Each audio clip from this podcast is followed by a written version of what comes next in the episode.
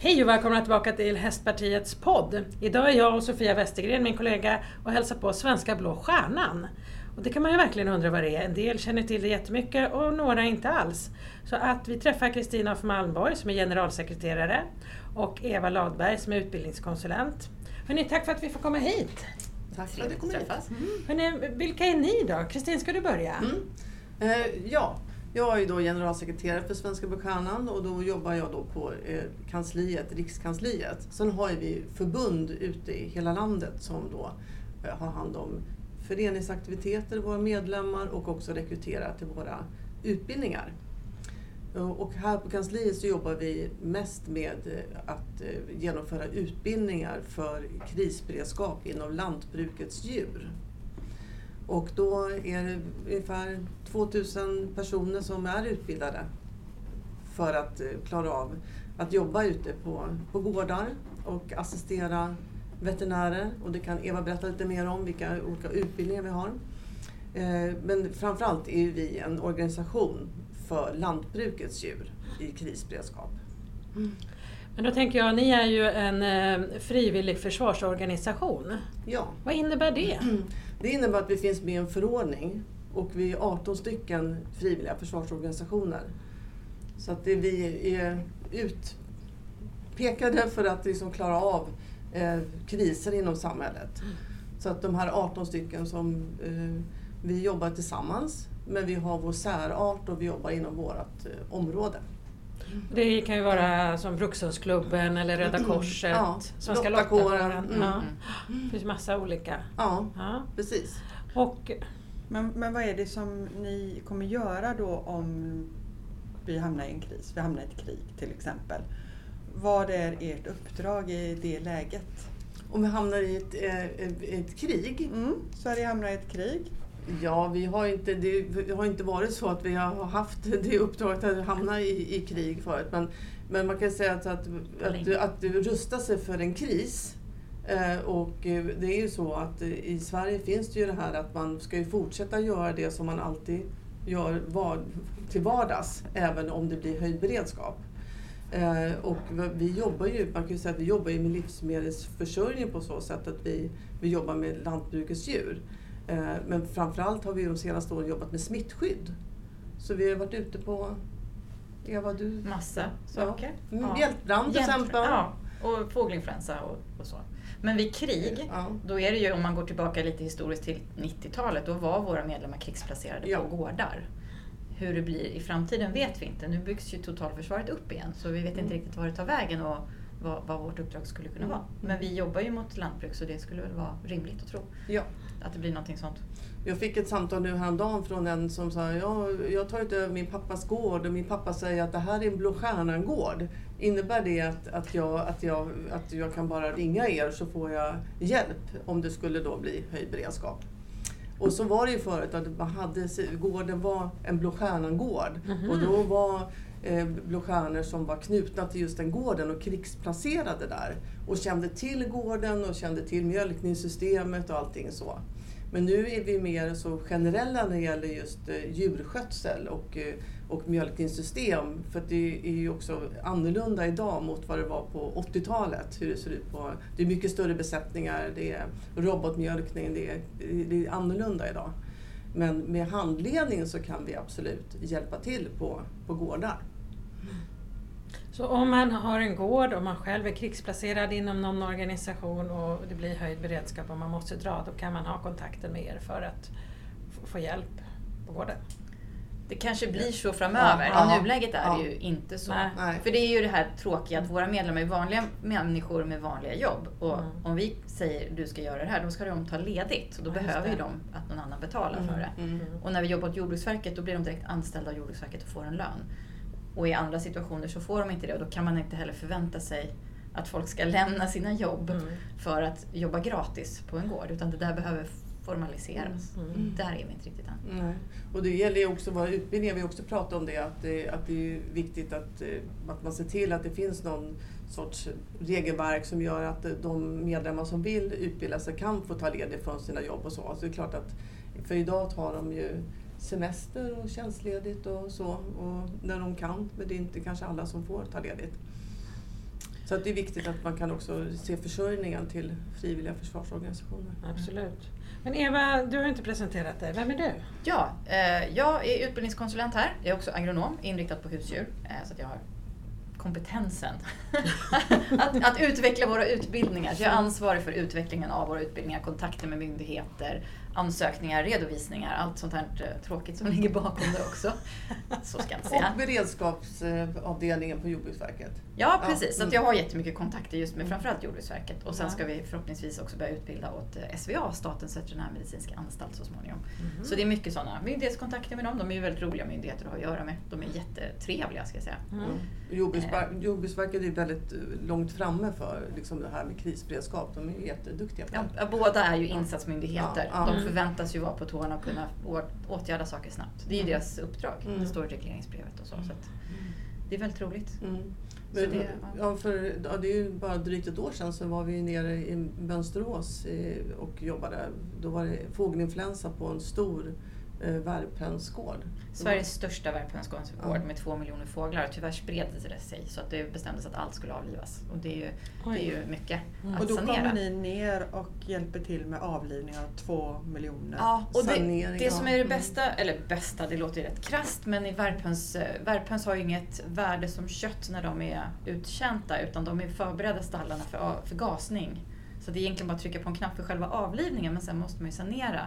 Och då är systemen ganska trånga, så det går inte att köra in med maskiner, så man går och plockar allting för hand. eh, Och kryper runt under Det inredningen låter lite makabert. Ja. Det gör det. Och grejen är så här, man är medlem hos oss för man gillar djur. Och det Mm. coola är ju att de faktiskt, det är så här, nej men det är inget konstigt, vi ställer upp. Mm. Vi hade ungefär, jag Gör man det då 140. på sin fritid eller på Ja, man på tar sin fritid. Då tar man ledigt. Man får ingen ersättning? de, jo, Jo, då, och det här man. är så här, Jordbruksverket säger vi behöver 200 personer. Då skickar vi det Mm. och så får de lön. De går direkt in och blir anställda av Jordbruksverket som tar Mhm. allt ansvar, all finansiering. De har personal på plats som tar hand om det administrativa. De får kost, logi, resebetalt, allting. Mm. Från det att de lämnar sitt hem tills att de är Mm. hemma igen. Så det är väldigt smidigt för oss och det känns väldigt tryggt för det är också så att det finns risker med allting man gör. Mm. Eh, i det här, ja. Men om man nu känner att man vill vara med där eh, i, i gänget och, och få ett uppdrag för Jordbruksverket. Hur gör man då? Vad är det som krävs av personen? Det krävs ett att man blir medlem och, och sen så ska man vara mellan 16 och 60 för att börja grundutbilda sig. Man får börja gå när man Då är... finns det en chans för oss Ja, Sofia. det lite Det finns en chans här ju! Bra! Ja, man får inte skickas på uppdrag förrän man är 18. För det, är, Mm. det är ju så. Eh, Och att vi har tagit en övre gräns, det handlar om att det tar för de flesta ungefär fem år att gå våra kurser som vi vill att de ska gå. Och sen vill vi räkna på att man kan arbeta i tio år. Och, och då är man ju plötsligt 75. Mm. Och alla våra uppdrag vi har haft är alltid fysiskt krävande. Mm. Och då tycker vi att vi är lite snälla ändå som tillåter det. Mm. Eh, För någonstans så är det skattefinansierade utbildningar vi håller på med. Då ska man kunna räkna hem det också i tid som folk sen jobbar. Men om det nu kommer ett sånt här uppdrag, man har möjlighet att säga nej då eller måste man åka? Man har Mm. möjlighet att säga nej, men egent, ja, och vi kan ju aldrig tvinga någon. Nej. Men det är ju tänkt att man ska, om man är med hos oss, ska ha möjlighet att kunna åka, fixa Mm. hund och hästvakt och kunna ta ledigt från jobbet. Sen kan det vara omständigheter såklart som gör att man inte kan. Man kanske precis har brutit benet eller fött barn eller en, ja, det finns ju... eller måste rösta i riksdagen? Ja, man, man, Kan man inte göra det på distans? Nej! Man skriver på en överenskommelse om man ställer upp om det blir Ja, kris. Sen så ja. klart att inte alla, alla kanske Nej. kan precis just då men, Och- men man ska ändå ha den viljan att Ja, ställa upp. och vi märkte under covid då, som det var förra året, att folk hade svårare att få ledigt från sina jobb. Om man till exempel jobbade inom vård eller eh, skola. Och det, det får vi acceptera, så är det. Mm. Eh, Men du, det var alltså utbildning i fem år? Nah, ja, det lät ju precis. Ja. Nej, Ja. vi har väldigt korta utbildningar som går på helgerna. Först ska man gå en risk och säkerhet i en helg där man lär sig första hjälpen och släcka eldar. Och sen en grundutbildning på sex dagar där man lär sig framförallt mjölka kor och lär sig om lantbruket i allmänhet. Sen ska man gå fördjupningsutbildningar på minst två djurslag, till exempel lära sig mer om gris, det är fyra dagar, och får är fyra dagar. Och sen är det smittskydd. Ja, men det är precis, beroende Ja. på vilka Mm. man Finns det häst? Nej, för häst inte, räknas inte i det här fallet som i primärt produktionsdjur, även om Nej. man ju kan äta häst. Mm. Ehm, Så Om de inte har fått för mycket mediciner? Ja, Nej, precis. Då hamnar man i dopingkontrollen går det lite tokigt. ja, och sen så säger vi så här krasst att det är väldigt många hästintresserade i vår organisation. Och då Ja. tänker vi, då kan de redan häst. Vi behöver Ja. inte utbilda på häst just. Mm. Men, och det man menar då är att folk har vanliga liv. Så att innan de har lyckats få ledigt och planera in de här helgerna så har det oftast gått. Folk kanske går en till två utbildningar per år. Det är det som är rimligt att hinna med. Och Mm. därför räknar vi att det kan ta ja, men tre till fem år att, att komma till den nivån man vill, vi vill att de ska vara. Då är det smittskydd på slutet och sen går man villkorad läkemedelsanvändning. Då lär man sig vaccinera produktionsdjur. Det är liksom det slutgiltiga målet. För om Jordbruksverket säger vad de vill ha, då vill de att våra ska vara duktiga på smittskydd och kunna vaccinera. Mm. Men för att kunna vaccinera, då måste du kunna hantera en ko och förstå hur systemet funkar. Och, och ja, kunna besättningar, det vet vi. Mm. Ur planeringssynpunkt, om du ska ut och vaccinera på sommaren, då är alla på beten. Då Mm. är det bra om man fattar det när man åker ut på, på lantbruket och kan Ja. prata Mm. med lantbrukarna på deras språk Mm. och inte vara såhär, vad är de? Vad är kossorna?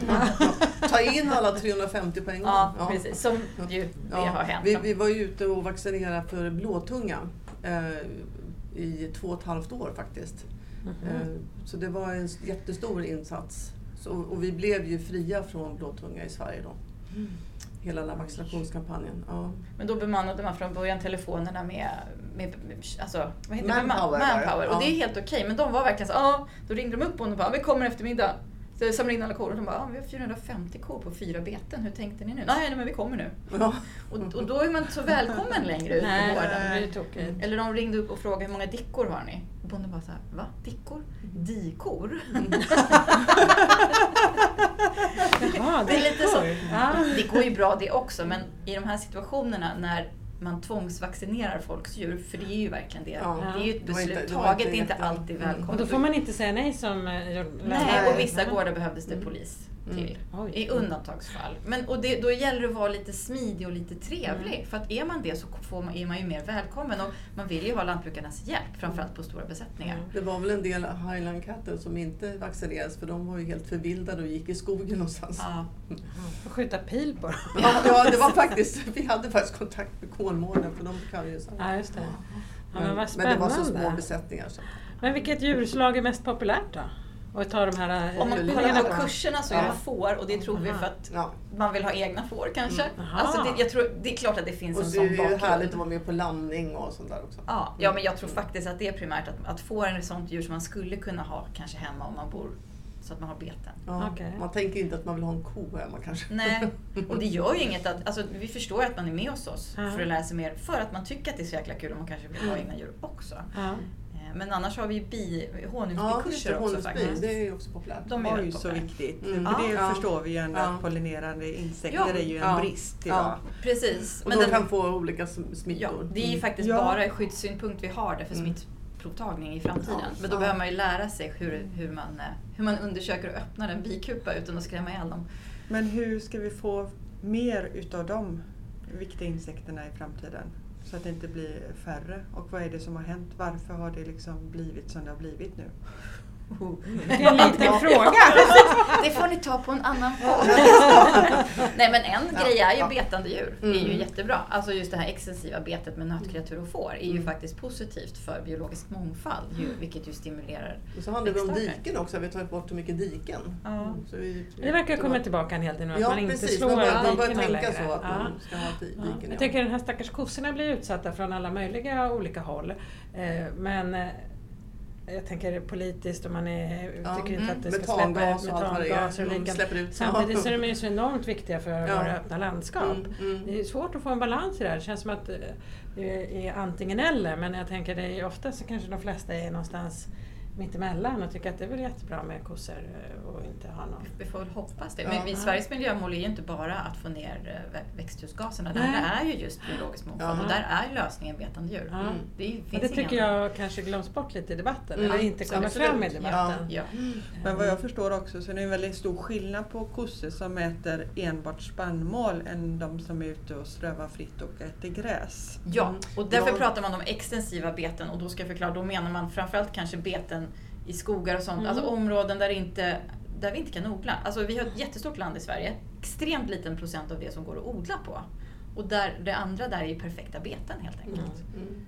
Så det är det Och så som pågår är... det forskning också på att se om man kan tillsätta någonting i, i utfodringen till kor Ja. som skulle minska metangasen. Det är SLU som håller på med det. Absolut. Mm. Och sen finns ett annat Mhm. argument som är om man pratar miljö och klimat och livsmedelsförsörjning. Så är det, så här, det är väl klart att vi ska äta de djur som vi kan fodra med sånt vi inte kan äta själva. Mm. Och då är ju egentligen betandjur egentligen inte fjäderfä och gris eftersom de äter spannmål. Mm. Och det borde vi ju äta själva Mm. egentligen. Och så dra ner på spannmål till, till eh, nötboskapen. Men mjölkproduktionen är ganska intensiv så nöt, alltså mjölkkor behöver lite mer. Ja, men så är det ju med Såklart. man Ja. själv ammar. Så. Ja, ja, kunde man äta semlor varje dag. Ja, ja. Ja, men vad spännande. Men jag tänkte det här att gå med då i Svenska Blå Stjärnan. Krävs det någon form av eh, kvalifikation innan? Nej, Nej. man är Nej. välkommen som man är. Det, Ja. det man ska vara är fullt arbetsför, vilket Mm. vi menar att man ska vara frisk i kropp och själ. Man ska Mm. orka, orka arbeta och lyfta tungt. Och är man hästmänniska så fattar man nog det här. För ibland kommer man säga ja men jag kan, ju, jag kan jobba, jag är ju tuff men jag har lite ont i ryggen. Och lite så här, ja, Mm. men det är ju Tänk att man ska kunna sköta en häst och lyfta halmbalar och, Och det är våra fullt utbildningar, de som ska gå utbildningar. Sen Exakt. så har ju vi föreningsverksamhet för, för alla. Vi Ja. har ju allt möjligt eh, i våra förbund där Ja. de ordnar olika aktiviteter. Och då, då kan man ju vara halta Ja, ditt och man är, alla andra är välkomna. Det är, Ja, hund, alltså det är agility och det är... Det är Ponnyagility har vi bland annat på ett ställe. Ja, ja, ja, och det är rid, de rid, mycket uteritter tillsammans och det är hundpromenader och det är kaninhoppning, det kan vara allt möjligt. Mm. Så man kan bo i hela Sverige Ja. och med? Ja. Sen är det såklart olika mycket aktiviteter i- beroende Ja. på, alltså det är ideella som hittar på de här aktiviteterna. Så på något ställe kanske man nördar in sig på just kaninhoppningen. På ett annat ställe kanske det inte finns så mycket aktiviteter för det är inte så många medlemmar heller. Ja, just det. Så man, ja. Ja. Det ser inte riktigt lika ut. Nej. Men nu när vi inte har, är inne i någon kris just nu. Hur ser era dagar ut då? Vad, vad gör ni? Ja, vi förbereder Ja. för kris. Ja, precis. Det är lite Säkerhetsläget är ju lite tufft. Ja, det är lite tufft. Och det är lite, det, det här med flyktingmottagningarna är ju, är ju vi, vi, vi står standby där. Mm. Det finns en del förfrågningar. Ingenting är bestämt än, så det är det vi Ja, men det, direkt när, när kriget bröt ut så började vi direkt förbereda vad, vad kan vi göra inom vårt Mm. område. Jo, vi, kan, vi stuvade om på hemsidan, vi la upp checklistor för olika djurslag. Mm. Vi har också ett uppdrag att eh, jobba med hemberedskap. Så att vi direkt eh, la upp på klara krisen och försökte få liksom, att eh, förbereda dig för om det kan bli en kris. Det, det är inte något militärt hot mot Sverige men man kan ju ändå vara förberedd för vilken kris som helst. Så förberedelse för en kris gör ju att man känner sig tryggare. Och sen så har vi skickat ut lite pressreleaser och sånt om hur, hur man kan ta hand om sina djur.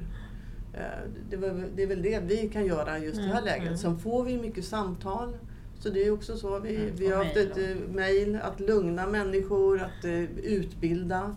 Vi, vi har ett uppdrag för totalförsvarsupplysning. Och vi tycker att totalförsvarsupplysning för vårt område är ju också att informera om hemberedskap och också smittskydd. Hur man, hur man ska klara sig för att inte bli, bli smittad på olika sätt eller sprida smittor vidare. tycker Mm. vi att det är ett stort uppdrag. Och där har ju du Eva varit med i ett eh, stort projekt med SLU. eh, För gårdar och så ju. SVA. SVA, Ja, precis. SVA. Ja, Statens veterinärmedicinska Ja. anstalt. Det är, det är ett pågående projekt som Mm. handlar just om smittskydd och där de hjälper oss att ta fram smittskyddsutbildningar eller smittskyddsmaterial till våra utbildningar och som också ska kunna användas till vanliga medlemmar. För att, att, jag tänker stort just så här, om man är ute på hästtävling och har med en vattenhink och någon kommer förbi, bara, kan jag låna din vattenhink till min häst? Så är ju svaret på den frågan nej. Mm. Mm. Möjligen kan man vara duktig och ha med sig en extra hink då, men just det här vardagssmitttänket, Mm. att, att inte sprida saker när man är ute Mm. med sina egna djur, är Mm. ju bra att få in. Och just Mm. det här med att tvätta händerna innan man klappar och efter att man Mm. har klappat, om man nu måste klappa. Vilket vi som är djurnördar, vi vill klappa allt såklart. Mm. Men då tar man ju också potentiellt med sig smittorna vidare. Alltså är mycket vi människor som smittar djuren. Ja, det är ju det. Och hur var, kan alla dina hästkläder tvättas i 60 grader? Det är ju väldigt bra. Alltså sådana, just det här tänket. Att Mm. man, Mm. vi, ja, häst, Och hund kanske man ska ha eget vatten till. Ja. Och inte dricka ur den här skålen som finns utanför restaurangen. Att eh, här har vi ställt fram en skål till, till hunden. Då- Just det, då- det har jag aldrig tänkt på. Nej men vi är ju lite nördiga Ja. kan man Ja, ja, jag har aldrig hunden i stan. Så Nej. Nej, nej, eller någon annan. Alltså, Ja, så nej, det men är ofta så. Man, tänket med ja, sig mer. man tänker att man tar hand om, om sin egen smitta. Så att. Ja. Men visst är det så att vi klappar inte varandras hästar längre? Nej. Oh, ja, På ja. tävlingar och så menar du? jag eller? klappar nu när jag var på stuteriet men det var ju bara för att då hade jag ju absolut ingenting med mina kläder att göra. Mm. Men annars så, ute på tävlingar och sånt. Mm. Det är lite ett ofog Mm. idag. Alltså, det Ja, är ingen det är som vill att någon Mm. ska klappa. Mm. Alltså, jag vill Nej. inte att någon går fram och Nej. klappar på Nej. min häst. Mm. Och jag skulle inte få för mig att klappa på någon annans häst på tävling. Nej. Det gör man inte. Men det är nog lite olika hur duktig man är tänker För det är också många kanske barn som är ute och tävlar så har man med sig sin förälder som inte är hästig. Som inte riktigt Mm. har koll och som inte tänker att jag har inte hästkläder ens en gång. Jag har ju mina vanliga kläder när jag trampar runt i stallet och rör vid djuren. Mm. och så glömmer man bort det Mm. nästa gång man åker iväg. Jag har ju eh, lite pay and jump-hoppning och sånt Ja. hemma.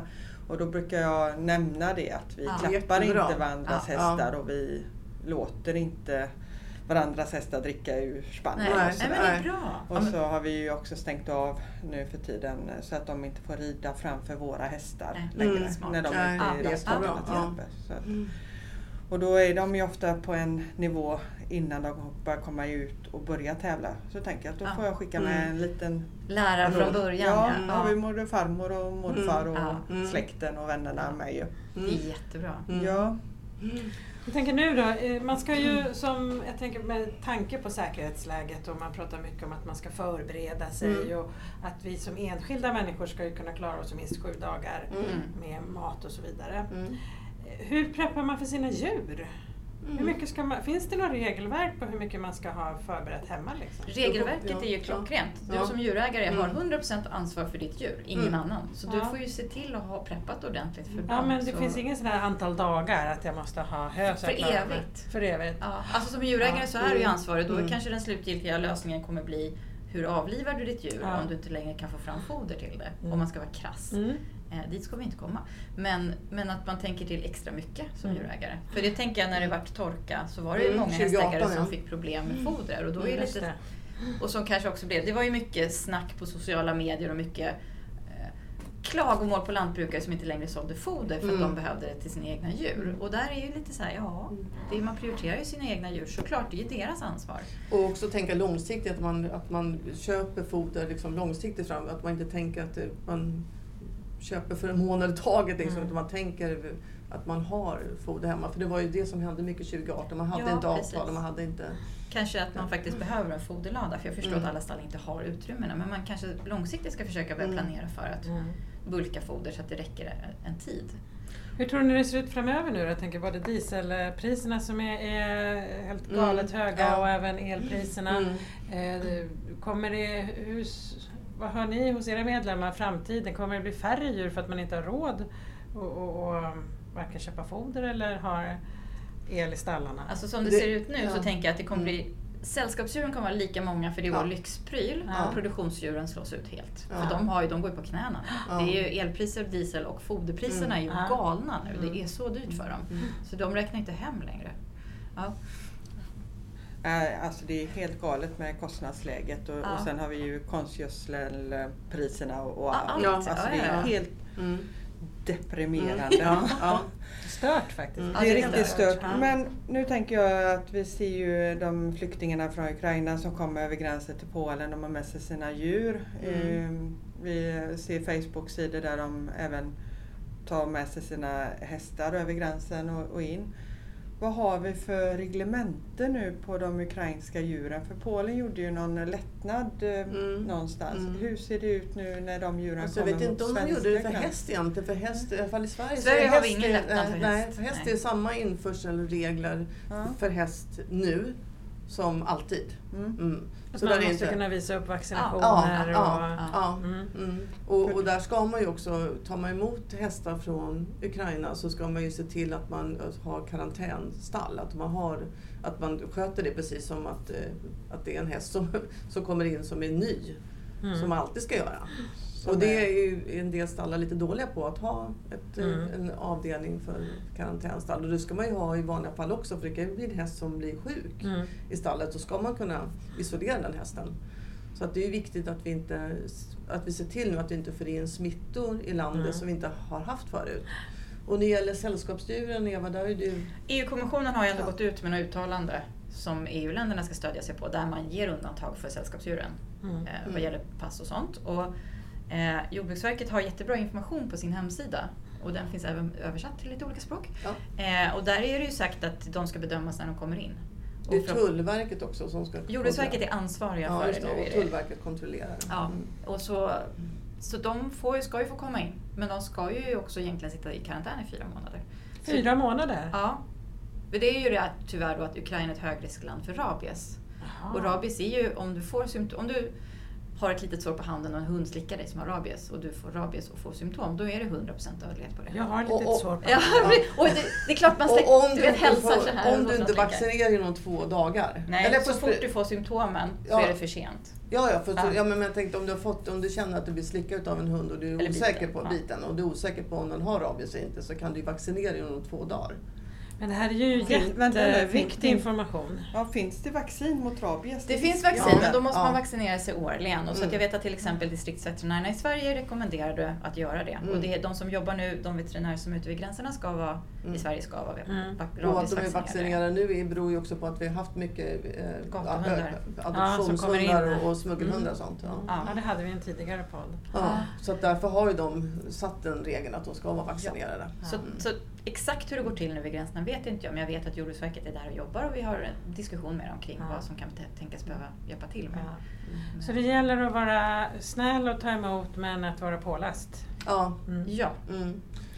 Vet ni hur um, djuren i Ukraina hanteras eller har det eller släpps ut eller avlivas eller? Nej, det är ingenting som vi har Nej, på. ja, nej precis. Nej. Men jag tänker att det är ju, om vi jämför mot Sverige så tänker jag att det, det, det, de är lika oss men jag tänker att de har haft en lägre, alltså de har haft sämre ekonomi där. Mm. Så att jag, då kan man ju backa lite i tiden och se hur man har djuren och då tänker jag att de kanske har mer hundarna lösa till vardags också. Mm. Eller har dem som, som gårdshundar och så. Därför kanske de klarar sig bättre. Jag hoppas att det kan vara så. Mm. Men det man ser i flyktingströmmarna det är ju chihuahuor. Ja, Alltså det är ja. små gulligullhundar, ja. jättemycket sånt. Mm. Och då tänker jag, ja, men, och de har väl inga, ingen, de kan man inte bara släppa ut. Nej. Och man Så- hoppas att de också är vaccinerade för att de har varit eh, familjehundar. Precis. Men jag Och tänker inte- också krasst att, jag vet inte, i början kom det ju en hel del. Jag vet inte hur det ser ut nu men jag tänker nu flyr de på ett annat sätt. Mm. Nu är det ju Ja. panik Ja, och då över tror jag att det är svårare att få med djuren. Ja. Alltså man prioriterar att ta sig ut. Om ni har sett dem klättra, det är ju så sönderbombat så det är, det är så pass strapats. Mm. Ja, det är tungt. Har du en stor hund som du ska bära och lyfta. Mm. Det kan man ju tänka till själv Mm. kring krisberedskap. ja, precis. Kan du få med dig dina tunga labradorer som jag Ja? Precis. Skaffa inte en tyngre hund än du kan bära. precis, precis. Man- Det ja, är lite jobbigare med Men hästen. Fast Ja. hästen kan bära dig. Ja, Så det är lugnt. ja. Mer- för vi måste ha fler hästar. Mm. Ja, mer hästar till Ja. folket. Terränggående hästar, Ja. tänker jag. De var duktiga på att liksom sätta fötterna... Ja, Bara hästar med fyrhjulsdrift alltså? Ja, exakt. jag tänker jag som har ridit galoppörer, de gick ju bara sönder, de klarar inte Ja, av liksom. Nej. Och en sten, aj aj aj. nu överdriver jag. Men, Men hörni, ni har ju också eh, någon form av föreningsverksamhet eller ni hjälper till på Livgardet med hästarna där. Ja. Vad innebär det? Eh, De motionsrider hästarna Ja. på lördagen är det väl. De rider ut på dem. Eh, Och sen så rider de även lektioner där. Mhm. Och de har stalltjänst.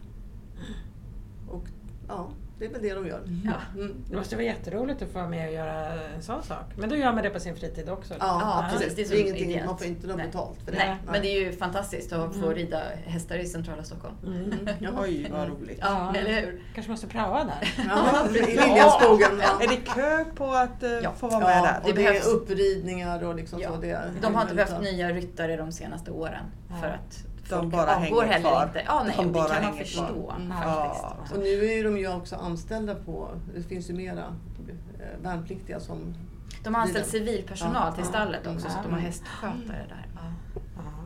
Hörrni, där finns ju enormt mycket saker man kan göra. Jag tänker, är man engagerad i, Svenska Blå Stjärnan så kan man hjälpa till med väldigt mycket. Mm, absolut. Har ni, alltså jag man har läser i tidningen att Hemvärnet har fått enormt många fler som söker sig dit. Har Mm. ni också märkt en ökad medlems... eh, Ja, det har vi. Alltså, sen kriget eh, startade så har vi fått ungefär 140 nya medlemmar och en vanlig period så här så kanske vi har fått 10-15. Mhm. Så det är klart att det är en stor ökning. Sen så vet jag att de andra har fått ännu mera. Mm. Men det är ju mot de militära uppdragen. Men, Mm. men vi har också märkt en, en ström utav frågor och så. Det har Ja. kommit in väldigt mycket mejl och många samtal. Mm. Många oroliga eh, djurägare som ringer och det här med skyddsrummen var i första veckan så svarade vi på telefon, eller hela tiden ringde det om, om skyddsrum, man får inte ta med sig djur i skyddsrum. Nej. Och det blev en jättestor eh, sak förstås. Eh, och de frågade oss om det. Eh, det. Och det finns ju 40 000 hundar i Stockholm bara. Oj. Så det är en utmaning att hitta eh, ett system där man kan ta med sig hunden. Så vi ju, Tunnelbanan? Tunnelbanan, Ja. precis. De som inte är, ja precis, Ja. de tunnelbanor som inte är riktiga skyddsrum tänker Ja. jag. Ja. Mm. Mm. Men sen så är det katter och kaniner och man vill ju ha med sig alla sina djur. Mhm. Så att, ehm, Det är tur att man har blivit av med några här under- under tiden barnen växer upp. Ja, kaninerna. Ja, precis. Ja, ja. Men hörni, det finns ju massor att göra. Det är ju fantastiskt arbete som ni gör och jag tycker det är väl värt att uppmärksamma. Jätteroligt att få vara här. Eh, Jag brukar ändå ha en avslutande fråga i podden och det är ju om ni skulle vara minister, landsbygdsminister för en dag, finns det, vad skulle ni bestämma då för att förbättra för hästnäringen i Sverige? För hästnäringen? Ja. Mm. Men ni kan ju ta djur också. Ja, för, Ja, det kan vara lite Ja, generösa Ja, det är idag. generösa idag. Det är ju ändå för torsdag. Vad skulle det då? Alltså jag tänker ju kanske inte för hästnäringen men för hästarna då. Ja. Att just se Mm, ja. över lite hur det är tänkt att häst, Ja. häst, vi som är i Stockholm då, Mm, mm. om man tittar på hur det ser ut på stallarna här Mm. med små grötiga, leriga Mm. hagar och så. Att faktiskt förbättra och, och lära ut kring hur, Naturligt beteende. Vad är naturligt det? beteende Ja, och också ja. att ha hästdrift Mm. som är miljövänlig. För Mm. de här geggiga betena är ju inte så bra för växthusgasutsläpp och så. Nej. Så att, att tänka till Mm. där. Och att de inte det. står en och en utan de faktiskt får ha Ja. sin kompis. Mm. Eh, och ja, kanske också bygga om stallarna så att man inte stänger in alla hästar bakom galler och så utan att man faktiskt kan titta ut i stallgången och kanske Mm. till och med ha en kompis bredvid som man kan klia även om man står Mm. inne i boxen. Mm. Och ha hästarna ute så mycket som möjligt. Ja, lite mer naturlig Det, häst. ja, Ja, precis. precis, precis. andra djurslag tittar man ju väldigt mycket på det här naturbeteende. Och det finns ju, tittar man även på hästar, men hästar måste ju ha hagar som de kan röra sig i, kan galoppera i. Ja. Och, så. och är de för leriga, för små, så går inte det. Jag håller på med skolfrågor ibland, eller har jag gjort det väl länge. Och där tittar man ju till exempel på när man bygger nya förskolor, hur man Mm. ska eh, bygga förskolegårdarna för att stimulera till ökad Ja, rörelse. ja. Jag tänker det är lite samma sak man behöver göra i hästhagarna, att Ja. stimulera till ökad rörelse Ja. och att man får ha kompisar. Mm. Ja. Att man också kan göra så att man har utfodring på ett ställe och de måste gå över lite stockar och sten. Ja. Och så här. Man kan ju verkligen göra berikning i hagar även för hästar. Ja. Precis det har vi en podd faktiskt om med Renate Larsen som etolog. Mm. Som eh, pratade just om vikten av att eh, få till det här. Mm. Ja. Just i, i storstadsområden och Ja. där Mm. man inte har möjlighet att ha de här eh, fantastiska hagarna Ja. som Ja. vi såg i, i Tyskland. Ja det var ju otroligt. Det var ju så många hektar på sandmark, så här sanddyner Ja. och så Ja. var det ner till någon bäckravin och Ja. upp mju, mjuka slänter fast de var ganska branta så man förstår att hästarna fick liksom verkligen Ja. använda Jobba. hela sin Jag kropp. tänkte, bara- man, precis. Och, och det är också det jag tänker för ridskolor och så, så skulle det ju minska skaderisken om hästarna gick till, ute eh, större delen och i stora hagar. Ja. Mm. Att de fick röra på sig. För det är ju oftast det att de kanske är lite på tårna för att de inte har liksom fått utlopp för Ja. Så är det ju. sin energi. Så är, Ja. så är det ju verkligen. Så att mer, mer aktivitet till hästarna Ja. hör ju Ja. också. De är ändå Ja. gjorda för att röra på sig. Ja, Ja. exakt. Ja. Och Precis inte att som vi. rida på faktiskt. Nej, Nej. Nej, men Så att- så att. Så det är faktiskt så, vi rider på dem fast de är inte gjorda för det. Då måste vi se till att de blir så starka som de klarar av att det. ha oss på ryggen. Ja. Eh, För det är faktiskt inte någonting som, det är inte naturligt för hästar att gå Nej, runt och du är faktiskt mig. skyldiga dem det kan man säga. Ja, jag tycker det. Ja. Ja, det jag Ja. tycker Ja men jag tycker Ja. också det. För man har ju ändå hästar som sällskapsdjur kan man ju ändå se det som och då får man väl faktiskt se till att vara lite Mm. bättre än bara vad minimum säger i djurskyddslagen. Mm. Ja. Se till att sin häst har mer aktivitet utan ryttare. Ja. Och med kompisar. Ja, precis. Och med Ja. kompisar. Ja, ja. Men också liksom tömköra och sådana saker som, som stärker hästarna. Mm. Mm. Vad bra, men hörni, stort tack för att vi fick komma hit. Mm. Och om man nu vill gå med i Svenska Blå Stjärnan, då går man in på er hemsida. Ja, Ja. Exakt. fantastiskt, det kanske du måste göra nu Sofia? Ja. Ja, men jag vill ju ställa mig upp, upp med på kö där till eh, det här centrala stallet. På Livgardet. Ja, precis. Ja, och till er som lyssnar, nästa vecka kommer naturligtvis ett nytt spännande avsnitt av Hästpartiets podd. Tack för idag!